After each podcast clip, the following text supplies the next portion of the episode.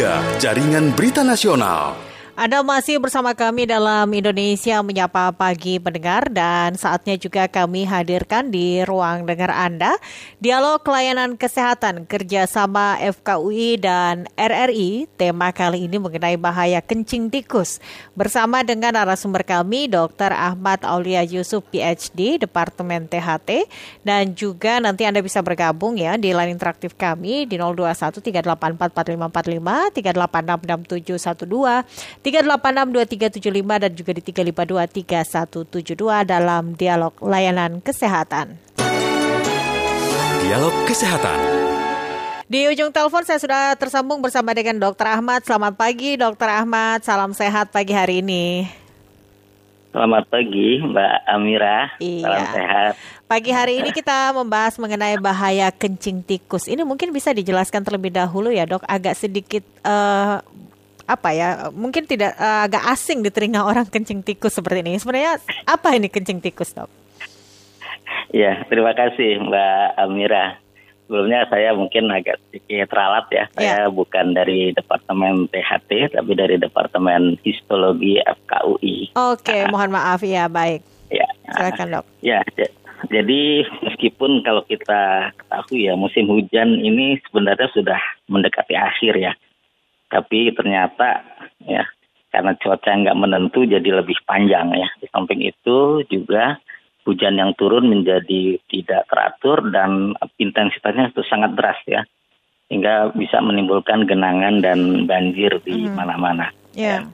Nah, salah satu penyakit yang bisa timbul akibat uh, genangan air mm-hmm. ya ini adalah penyakit yang kita kenal sebagai leptospirosis. Memang hmm. penyakit ini yeah. agak kurang diketahui hmm. ya. Hmm. Jadi leptospira ini adalah penyakit ya yang disebabkan oleh bakteri ya namanya leptospira bakterinya. Yeah.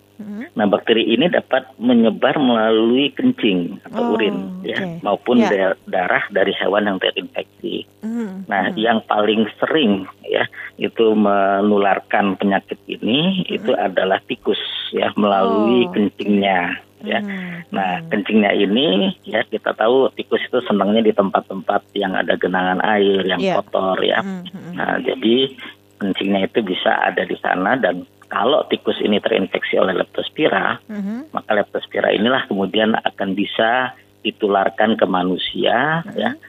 Dia pintu masuknya biasanya lewat kulit ya yeah. atau lewat uh, selaput mukosa ya umpamanya mm-hmm. mulut, hidung yeah. ya mm-hmm. atau selaput mukosa yang lainnya mm-hmm. ya. Mm-hmm. Nah, karena itulah kemudian kuman ini dia masuk ke dalam tubuh yeah. dia bisa menjalar melalui aliran darah ya yeah. kemudian bisa menyerang organ-organ di seluruh tubuh kita gitu hmm, mbak baik dokter Ahmad tapi kalau dari segi penyakit apa yang bisa ditimbulkan seperti itu kalau misalnya uh, sudah masuk ke dalam tubuh kita nah kalau dia sudah masuk ke tubuh kita hmm. dia biasanya ya dapat menyebabkan timbulnya demam secara mendadak ya. Hmm. Kemudian gejala-gejala mirip seperti gejala-gejala influenza. Jadi oh. mungkin ada batuk, pilek ya. Yeah. Nah, kemudian sakit kepala dan yang khas itu adalah nyeri pada betis.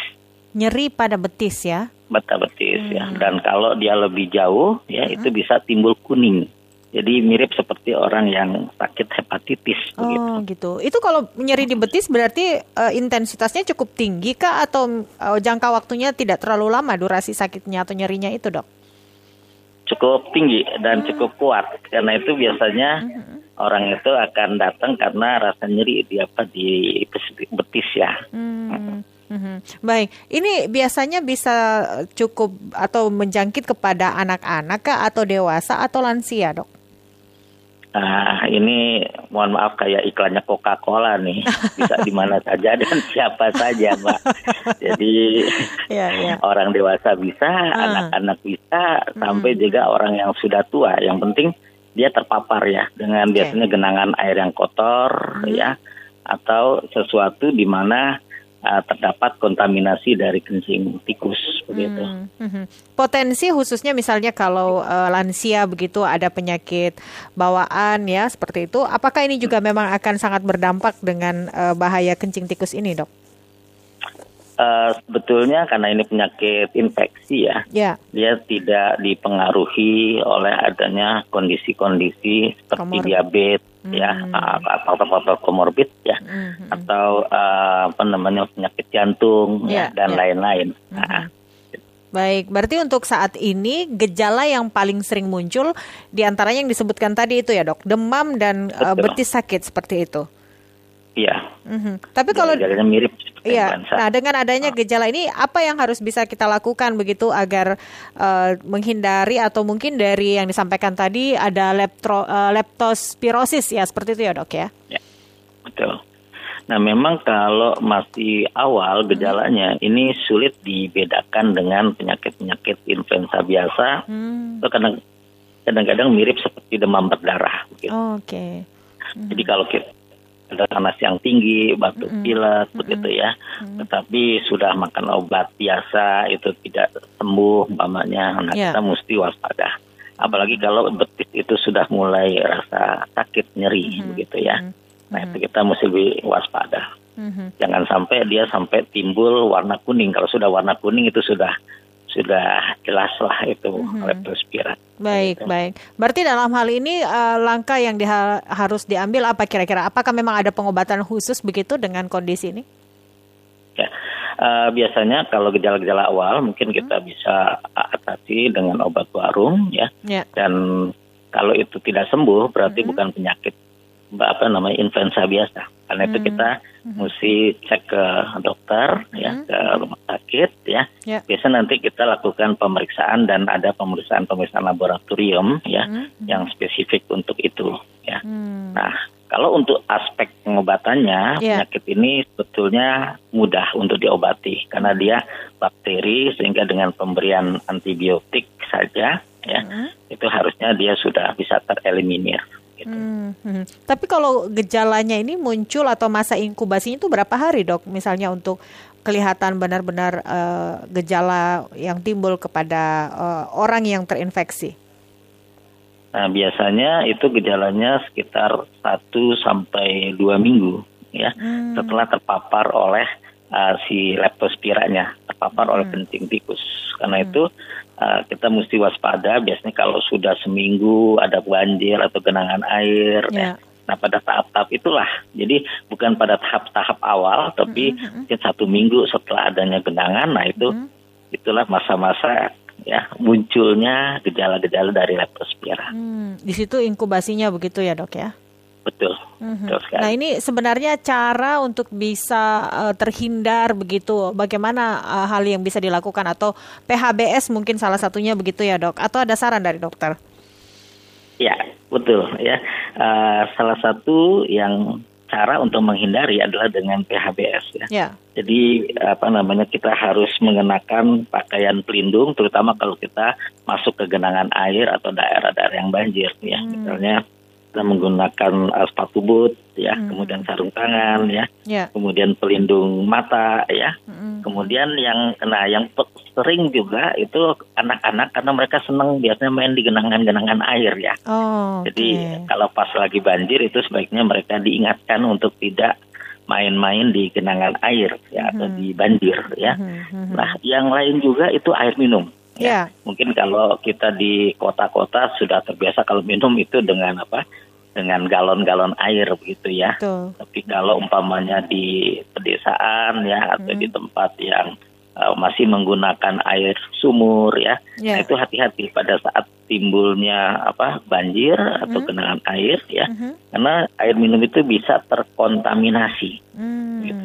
Karena kalau kita lihat itu kumannya itu nggak mungkin bisa dilihat dengan mata biasa gitu. Mm-hmm. Baik. Kemudian biasa cuci mm-hmm. tangan ya yeah. sebelum dan sesudah makan atau sudah kontak dengan hewan. Mm-hmm. Nah, yang paling penting adalah buah dan sayur-sayuran. Oh, ya. Okay. Buah dan yeah. sayur-sayuran ini itu harus dicuci sebelum kita makan ya. Mm-hmm. Dan tentu pemberantasan ya sarang-sarang tikus ya di sekitar lingkungan uh, rumah kita. Begitu. Mm-hmm. Baik, dok. Sebelum kita lanjutkan, kami hadirkan sekilas berita terlebih dahulu ya, dok ya. Baik. Mohon ditunggu. Kilas Berita. Kilas Berita. Kepolisian daerah Polda Bali akan mengerahkan sebanyak 2.716 personil untuk menjaga keamanan dan mengatur lalu lintas selama perhelatan Piala Dunia U20 yang berlangsung di Pulau Dewata pada tanggal 20 Mei hingga 11 Juni. Disampaikan oleh Kepala Biro Operasi atau Karo Ops Polda Bali, Komisaris Besar Polisi Kombes Pol Nurianto yang menjelaskan bahwa seluruh personel Polda Bali akan menjaga zona 2 dan zona 3 area pengamanan lokasi Piala Dunia U20 yang berlangsung di Pulau Dewata yakni di sekitaran area Stadion Kapten Iwayan Dipta Gianyar. Untuk informasi ini dan informasi lainnya dapat diakses di laman resmi kami rri.co.id. Kilas Berita. Pro 3, Jaringan Berita Nasional. Warta Nusantara. Kita langsung ke Jayapura ya. Warga dihimbau tetap tenang. Informasi dan laporan isu serta peristiwa aktual dan terlengkap dari seluruh Nusantara. Dari Aceh sampai Papua, dari Miangas hingga Pulau Roti. Hingga Pro 3, sebanyak 200 ribu lebih masyarakat Nusa Tenggara Barat masuk dalam kemiskinan ekstrim. Warta Nusantara hadir setiap hari pukul 5.20 waktu Indonesia Barat, pukul 12.15 waktu Indonesia Barat, dan pukul 17 lewat 15 menit waktu Indonesia Barat. Hanya di Pro 3.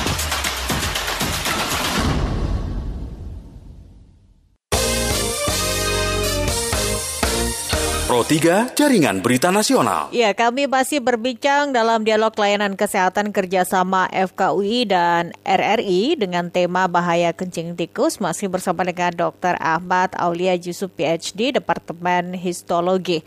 Ya, dok, kalau kita lanjutkan kembali, uh, kalau dilihat dengan kondisinya ya, uh, kira-kira dengan penyakit atau infeksi leptospirosis ini, apakah memang bisa sembuh, dok? Ya, uh, untuk leptospirosis ya ini insya Allah bisa sembuh ya mm-hmm. dan apa namanya pengobatannya sebetulnya tidak sulit ya karena uh, bakteri ini dengan antibiotik ini mudah untuk kita matikan ya mm-hmm. beda mungkin mm-hmm. dengan COVID ya yeah. kalau COVID itu obatnya juga masih kita tidak tahu yeah. ya meskipun sampai saat ini begitu mm-hmm. ya meskipun dibilang antivirus tapi efektivitasnya masih belum tapi kalau dengan antibiotik ya yeah. insya Allah bakteri leptospira ini akan mati. Mm-hmm. Ya. ya, dok, uh, untuk saat ini seperti itu, apakah juga ini menyangkut kekebalan tubuh seseorang? Jadi misalnya kalau kekeba, uh, kekebalan tubuhnya bagus, dia juga rentan bisa terkena begitu atau tidak akan terkena untuk uh, bakteri ini?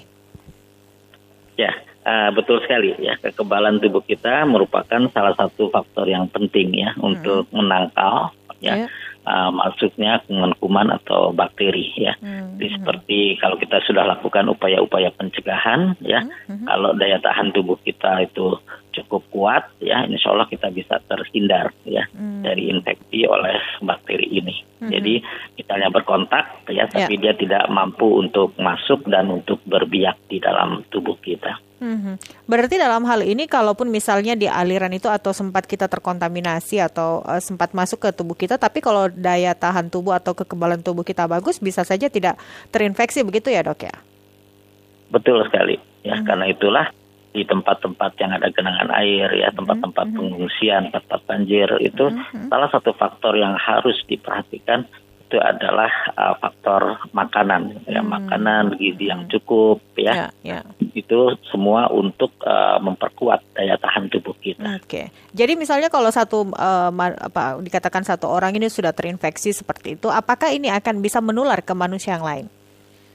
Nah, biasanya penularannya dia melalui uh, kencing ya hmm. atau melalui darah ya. Hmm. Jadi kalau penularan kita secara kita berhadapan-hadapan, kita apa memegang pasien yang menderita leptospira itu tidak. Oh, tidak ya. Tapi kalau dari percikan atau mungkin droplet itu bisa, Dok? Kalau dari droplet itu masih bisa ya. Hmm, Tapi hmm. namanya itu kecil sekali biasanya. Kecil. Kalaupun makan begitu bekas makan juga bisa.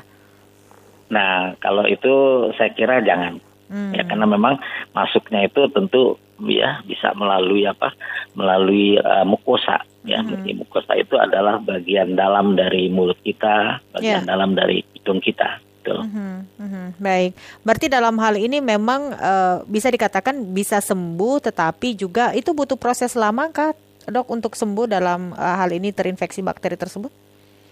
Nah, kalau dia gradasinya masih awal, mm-hmm. ya tidak timbul adanya komplikasi, mm-hmm. ya itu biasanya sih cepat mbak biasanya. Mm-hmm. Ya, dalam beberapa hari dia insya Allah akan pulih.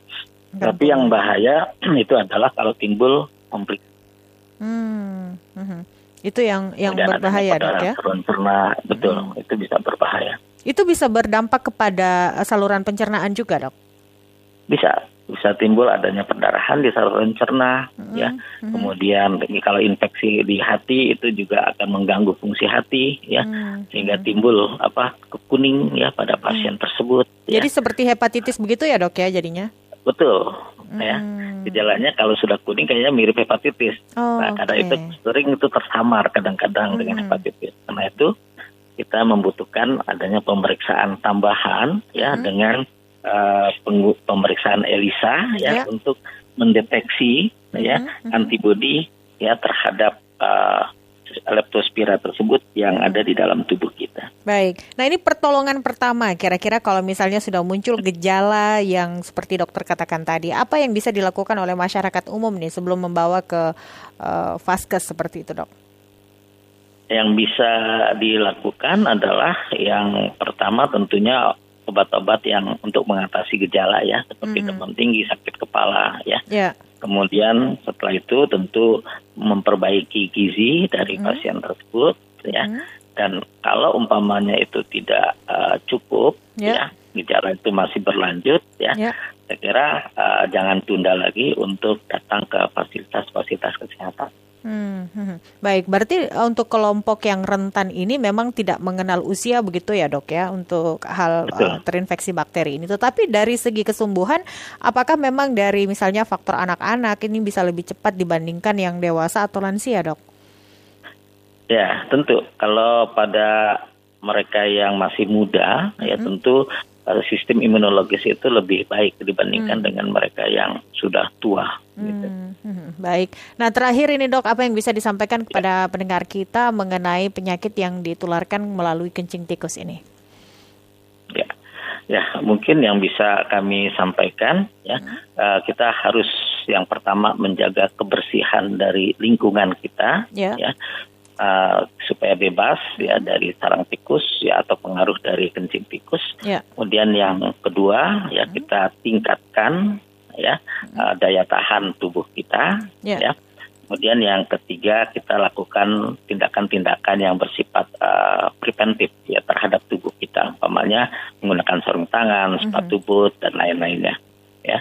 ya. Kemudian yeah. yang keempat kalau uh, kita sampai terkena ya jangan terlambat untuk datang ke fasilitas kesehatan.